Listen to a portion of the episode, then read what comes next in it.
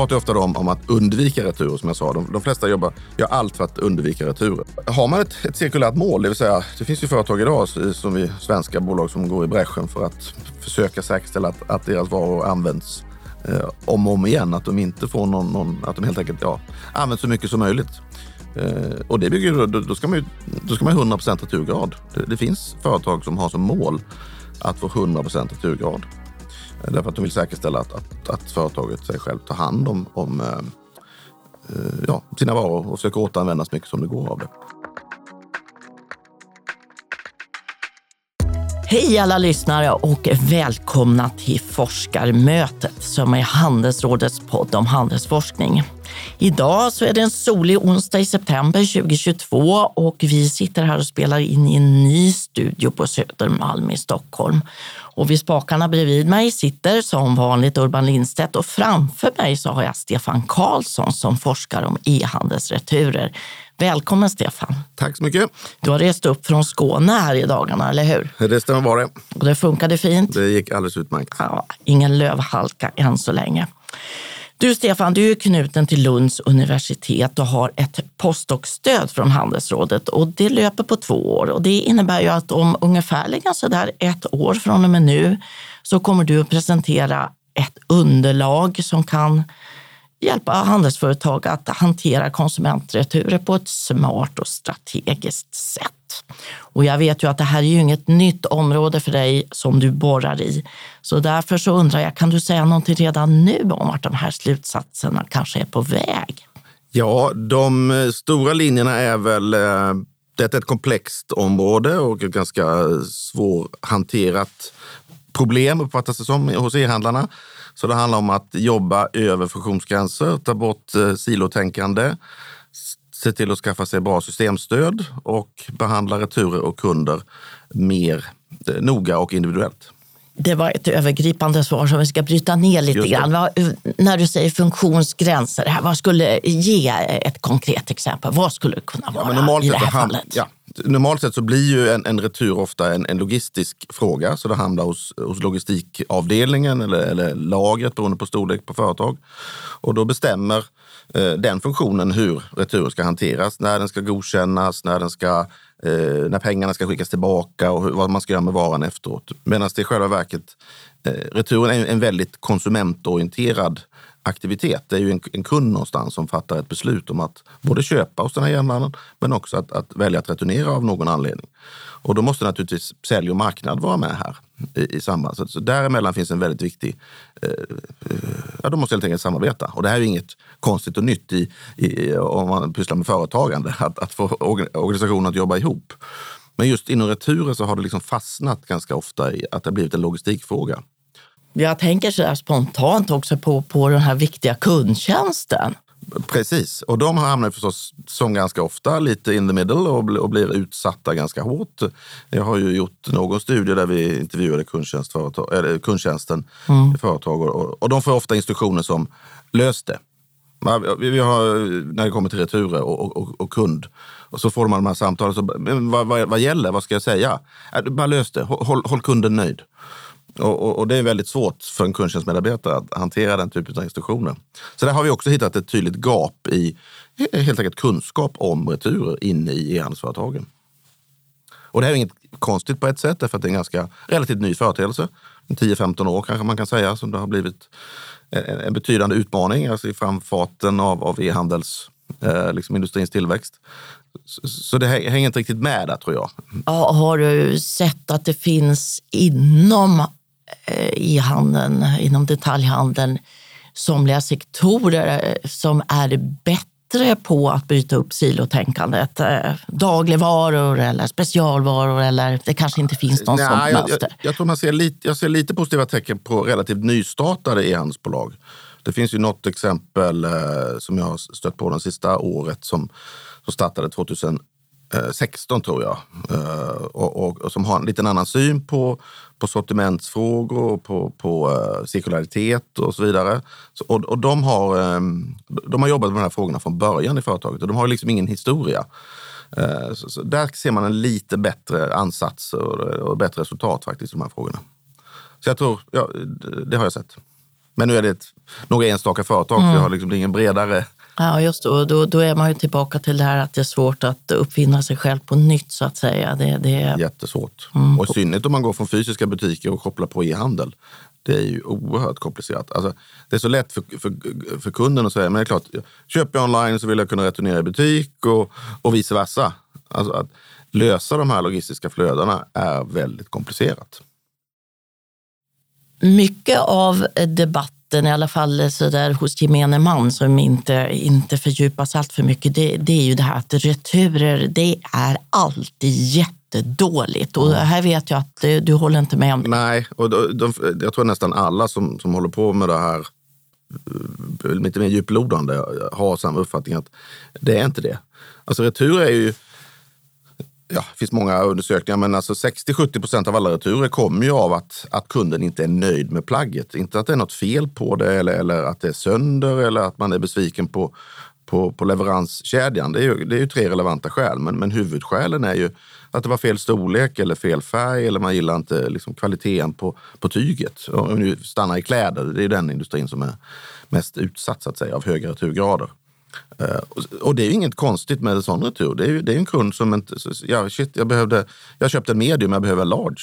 Uh, alltså det, det är inget konstigt när man går in i ett provrum i en fysisk butik. Så den returen är ju... Speciellt om leveranstiden är lång kan du ju ja. gå åt det hållet. ja, precis. ja. Ja, men så den returen är helt legitim. Alltså, och, och, och, så, så, då måste man ju, för det första måste man behandla den returen på ett annat sätt. Det, det får inte bli, man får inte behandla kunden som att han, han eller hon reklamerar en, en, en tjänst. Det här är ju en fortsättning på köpupplevelsen, ett, ett, ett serviceåtagande från företaget. Jaha, det blev fel storlek.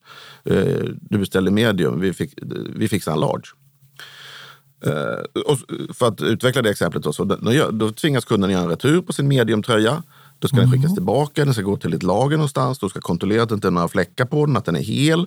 Och, och, och, och ofta så ska pengarna gå tillbaka och sen får kunden göra ett nytt köp. Och så efter 14 dagar så får de en large-tröja. Det är liksom ett exempel på en dålig returprocess. Så istället för att göra det, göra det svårt då, så borde man ju, tycker vi som håller på med det här, mm. som e-handlare, om man nu har kunden i fokus, mm. vilket är en rimlig ansats, att, att underlätta för kunden att snabbt få en large-tröja istället för en medium. Så det är ett litet exempel på att man, liksom man processuellt kan bli så mycket bättre som e-handlare. Och jag vet, det är lätt att säga, men det, det är dit man måste ta sig om man vill ha en hög eh, kundtillfredsställelse. Det här då är att man ibland hör att ja, den kund som returnerar mycket är också vår lönsammaste kund. Precis, det, det finns ju flera sådana undersökningar som visar det. Och sen så ska man särskilja det. Och det beror på att den kunden är köpaktiv överlag? Exakt. De, engagerar, de, de, de, de blir engagerade, de, de interagerar med företaget och de, när de är inne på sidan många gånger så får man ju också då anta att de får andra positiva upplevelser. Så det, det behöver inte vara konstigare än så.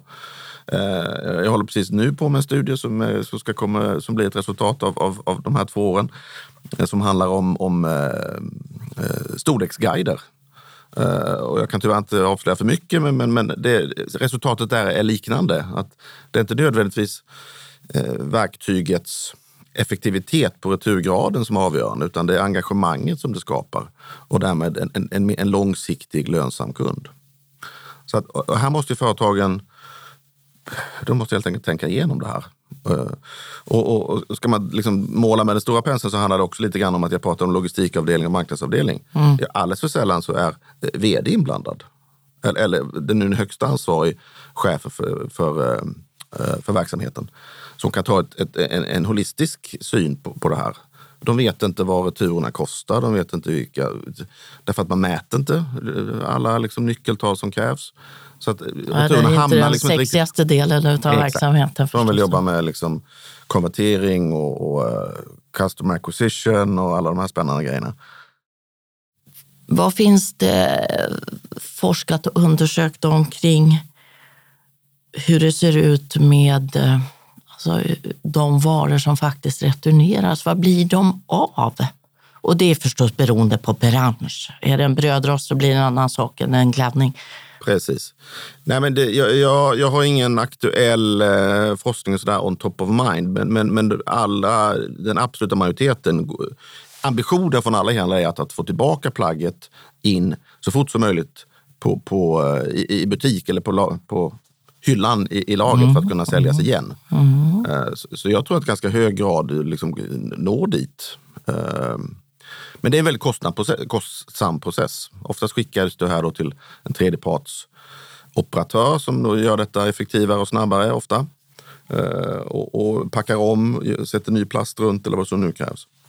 Eh, så att, eh, det stora problemet tror jag strategiskt för e-handlarna är kanske inte den här, det som kallas för reverse logistics, eller hanteringen av de här fysiska flödena bakåt. Jag, nu är det jag, jag fokuserar mer på relationen kund-företag, men jag tror att de största utmaningarna finns där. Hur man kommunicerar med kund, hur man hanterar returpolicyn och processen med kund.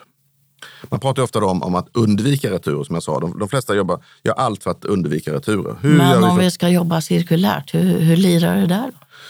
Ja, det, har man ett, ett cirkulärt mål, det vill säga det finns ju företag idag som vi, svenska bolag som går i bräschen för att försöka säkerställa att, att deras varor används eh, om och om igen. Att de inte får någon, någon att de helt enkelt ja, används så mycket som möjligt. Eh, och det bygger, då, då ska man ju då ska man 100% returgrad. Det, det, finns företag som har som mål att få 100% returgrad.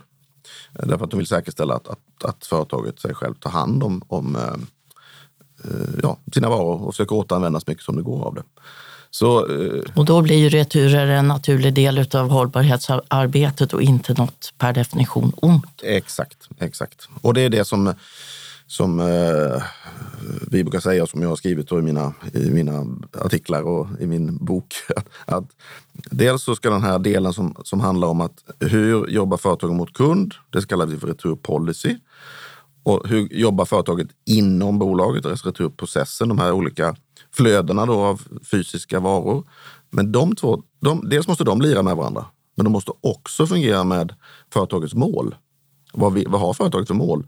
Har de ett, ett, ett cirkulärt mål eller har de eh, andra övergripande mål? Eh, är det bara att maximera lönsamhet eller, eller vad det nu är? Jag har inga synpunkter på vilka mål företagen sätter, men de måste liksom fungera ihop. Och därför så måste även returer upp på beslutsfattarnas bord, tror jag. Eh, för att, för att man ska få till en effektiv returstrategi. Och det gäller ju för alla strategier. Eh, det måste upp på ledningsbordet, men annars blir det ju inte bra. Vi pratade lite grann här innan och, och eh, jag ställde frågan vad, vad skulle du tycka var kul att forska mer kring just som det känns just nu? Och du sa du det, ja, vad, titta närmare på vad skulle den verkliga miljöpåverkan av returerna vara och var finns egentligen det största klimatavtrycket? Ja. Och det, finns ju lite, det finns ju lite studier gjorda på det och lite beräkningar och, en del enskilda företag har gjort beräkningar själva på detta. Alltså som, som, det finns, de har blivit lite upprörda över den här debatten att returer är det, det mest onda vi, vi har lyckats skapa i samhället med e-handelns framfart. Eh, men, men det, är, det är så ganska klart att, att det liksom det, boven, miljöboven i, i, om vi nu stannar kvar inom klädbranschen här, det, det, är ju det är produktion och konsumtion.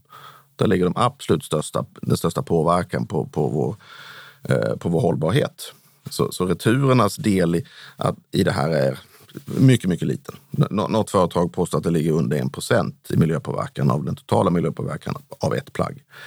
Så, så, så, att man tror ju att om man returnerar en medium ska få tillbaka en large. Det är så att den där medium får liksom, man lägger den tröjan i en taxi som kör själv till något lag. Så, de här varuflödena är ju väldigt effektiva. De åker med någon lastbil som hade åkt ändå. Och så, så, så att, mm, men det där är, har ju ingen riktigt eh, räknat noga på vad jag har sett. Och, och jag tror att svar varför det inte det har gjort det är för att det är väldigt svårt. Det är otroligt oerhört komplexa flöden. Ja, ja. Och det krävs ju mycket antaganden och sådär. Så att, men det är ju någonting som man skulle verkligen vilja åtminstone lyfta också när man i den allmänna debatten och, och det talas om retur. Så det beskrivs ju som en miljöbov hela tiden och det, och det blir lite fel tycker jag. Ja, just varornas livslängd och, och ju längre användning ju bättre. Ja, det, det, sämsta man kan göra det är ju att, att låta ett plagg hänga i garderoben som man inte använder bara för att man inte vill returnera. Det, det är en betydligt värre påverkan på, på vår jord än att, att skicka tillbaka den så någon annan kanske kan använda plagget. Så, så den dimensionen missar många ofta man ska uttrycka sig diplomatiskt. Lite garderobsstädning här kan, ja, framöver kan tänkas. Precis. Men man ska inte vara rädd för att returnera, för det är, mm. inte, det är viktigt att plagget kommer till användning. Du är ju i dagsläget forskare fullt ut, Ja. men du står också med ett väldigt stadigt ben i näringslivet. 25 år av arbete i, i detaljhandelsföretag. Eh, Var har du huvudsakligen varit verksam? Jag har jobbat kanske 15 av de åren utomlands. Eh, Så jag har ju eh, jobbat mycket i Asien och, och Mellanöstern och Afrika. Så det är kanske lite, det är lite olik. Det är inte den detaljhandeln som man kan relatera till när man pratar om e-handel i Sverige. Eh, Men visst, k- alltså kundmöten och, och, och, Vilket bolag var det? eh, Oriflame under lång tid. Kosmetika- Apropå distansförsäljning. Eh, Exakt. Ja. Så, så nu var inte returerna var inte en jättestor utmaning i, just i, i kosmetiska produkter. Men, men eh, det här hur man fattar köpbeslut och, och, och vad kunden tittar på innan de bestämmer sig för att välja köpställe är ju eh, väldigt relevant. Och så jobbar jag mycket med produktion och logistikfrågor där. Så att, eh, ja. Den här yrkeserfarenheten den, förde du ju in på intresset för forskning. Du sa så här att jag har du börjar fundera på, här fattar vi stora affärsmässiga beslut och det, det är rätt vaga eh, grunder vi tar dem på. Nej, men vi, man, man sitter, jag satt i ledningsgruppen för, för Oriflame under ganska många år. Och, och det, är jätte, vi- det är många duktiga människor som, som sitter där. De är välutbildade och erfarna och sådär. Men, men någonstans så... Man lever i den här miljön, man, man umgås med lite grann samma människor. Och det, det, liksom, det svalnar av efter ett tag på något sätt. Och så helt plötsligt så ska man ta beslut om Jaha, vad ska vi ha? Våra produktionsanläggningar? Hur ska vi lösa våra eh, logistikflöden i, i, i Asien? Och, så, och då, ja men vänta nu, ja, det här känns rätt. Så, så. Och, och, över tid så kände jag, gud, jag menar det här, ja, det måste finnas mer kunskap där ute. Och det är väldigt lätt som organisationer att, att ringa till eh, någon dyr konsultfirma och få lite hjälp. Eh, inga namn nämnda. Eh, och, och de gör ju ofta ett jättebra jobb. Men eh, det finns ju en oändlig källa till kunskap i, i, hos våra universitet och hos våra forskare som, som, som jobbar med att ta fram ny kunskap på heltid varje dag. Så, så jag kände det här... Finns det, här, det en viss beröringsskräck från båda håll? Eller? Ja, jag, jag blev industridoktorand då, så, så att Oriflame var ju väldigt eh, generösa och eh, så här, de såg att det fanns någon form av värde där. Eh, jag tror att det skulle, vara, det skulle finnas mycket mer av det. Inom naturvetenskapen och teknik och så är det ju vanligare. Men, men inom liksom, Varför då tror du? jag tror det blir mer konkret där, är väl min gissning. Alltså att, att, Nytt vaccin, Ja, precis. Va? En, en, en ny förpackning. eh, Eller ny bluetooth som heter greentooth. Exakt.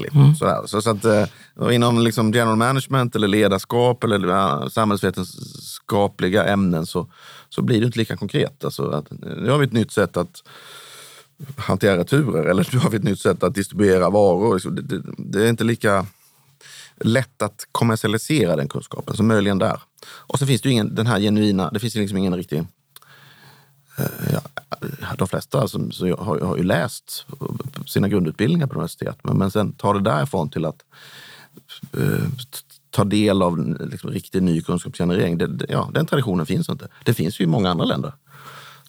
Tyskland, nämnde till exempel. Tyskland. Ja. Mm. Så, så, eh, men just i Sverige så är den...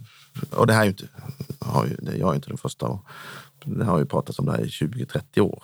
Så det, det här är inget nytt, inget nytt fenomen. Ja, Vi på Handelsrådet vi vill ju dra vårt lilla, lilla Ja. strå till stacken där. Och det vi gör nu är ju en del av det. Absolut. Eh, Kan det också vara så att det finns olika mindset här i de här två världarna som kan göra att det krockar lite grann? Synen på tid till exempel. Absolut.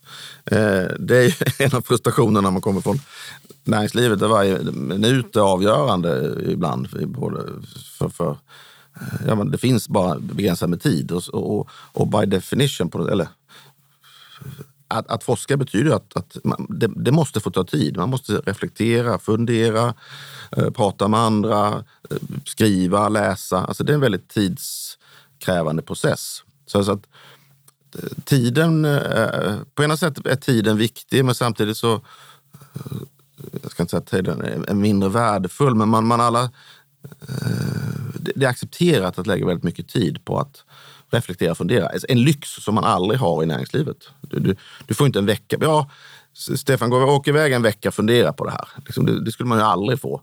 Medan i akademin så är det en vecka, äh, ta två. är svaret där. Va?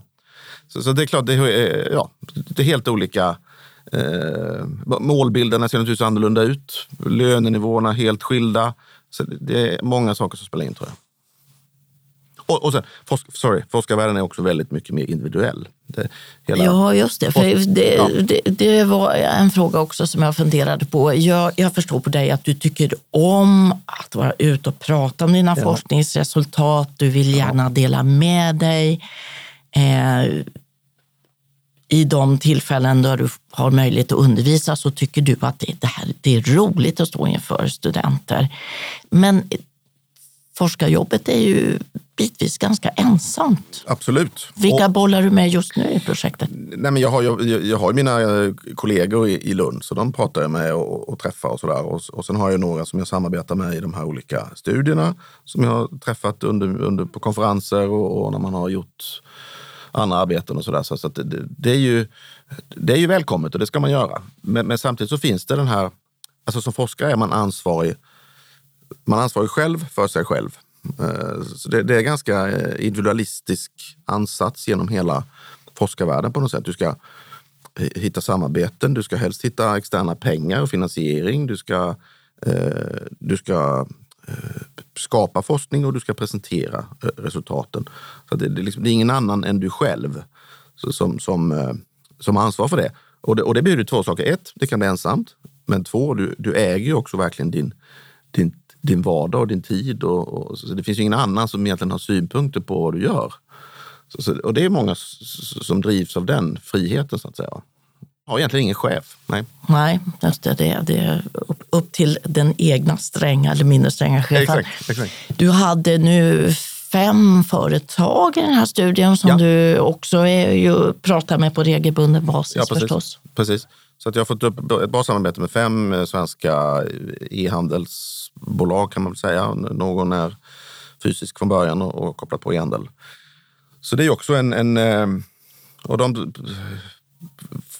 jag får ju data från dem, jag analyserar data, jag, jag intervjuar befattningshavare och, och, jag ger även lite tillbaka då till de här företagen. Nu är det ganska ja, fem, fem företag, men eh, så, det är också en, ja, det är en viktig del i, det vi gör så att säga så hade du också en väldigt renommerad forskarkompis ja. i USA, berättade du. Precis, jag jobbar med en, en professor där som, som jag har skrivit lite artiklar med tidigare och så som, eh, som jag har lärt känna under den här resans gång. Och som är, eh, han är kompetent och erfaren och, och på det sättet så kan man ju man lär sig väldigt mycket. Hans eh, kompetens och förmåga är ju, gör ju att eh, eh, eh Menar, han kan ju saker som jag inte kan, till exempel de här riktigt avancerade modelleringarna och dataanalyser av, av en miljon orderrader till exempel. Det, det är väldigt komplicerade beräkningar. Så, så, det, det har han gjort i 20 år. Så då, då samarbetar man kring det. Och, och, och, och, då, och han är väldigt skicklig på det och, och, har blivit publicerad i väldigt fina journaler. Så då, då kan jag med den datan som jag kommer med, de här caseföretagen, då, kan vi liksom, då slår vi våra påsar ihop. Om du tänker fem, sex, sju år framåt i tiden, vad, vad, vilket ben tror du står stadigast på? Vill, vill du fortsätta forska på 100 procent? Nej, jag tror inte 100 procent. Eh, det tror jag inte. Men jag, jag, vill gärna, jag skulle gärna vilja vara kvar i... Jag tror att om jag, vad jag kan addera tror jag till, till så samhället, om man nu ska vara så storslagen, det är väl just den här kopplingen mellan att förstå båda världarna och att, att kunna bygga relationer och, komma, och ha bra dialoger med eh, handelns aktörer. Jag, jag har varit med många av mina andra forskarkollegor som, som kommer ut och det, det blir taffligt och, och, och stappligt när, när de från sitt enbart forskarperspektiv försöker eh, samtala. Så, och, och, och, det är kopplat med den här, eh, min forskarutbildning som det är. Jag har, jag har utbildat mig till att bli forskare. Så det är egentligen det. Man får inte glömma att det är det man gör. Att hur genererar man ny kunskap som, som man kan lita på? Så att ja, mycket ord. Svaret, ja, jag skulle vilja kunna fortsätta kunna kombinera dem i någon form. Då hoppas vi att vi får eh, träffas fler gånger här och du har din brygg, viktiga bryggfunktion här. Va? Ja. Och då, tack Stefan för den här pratstunden tack. och tack till dig som har lyssnat. Flera avsnitt av det här forskarmötet det finns på Handelsrådets Youtube-kanal och också där du brukar lyssna på poddar. Vi hörs snart igen. Hej då!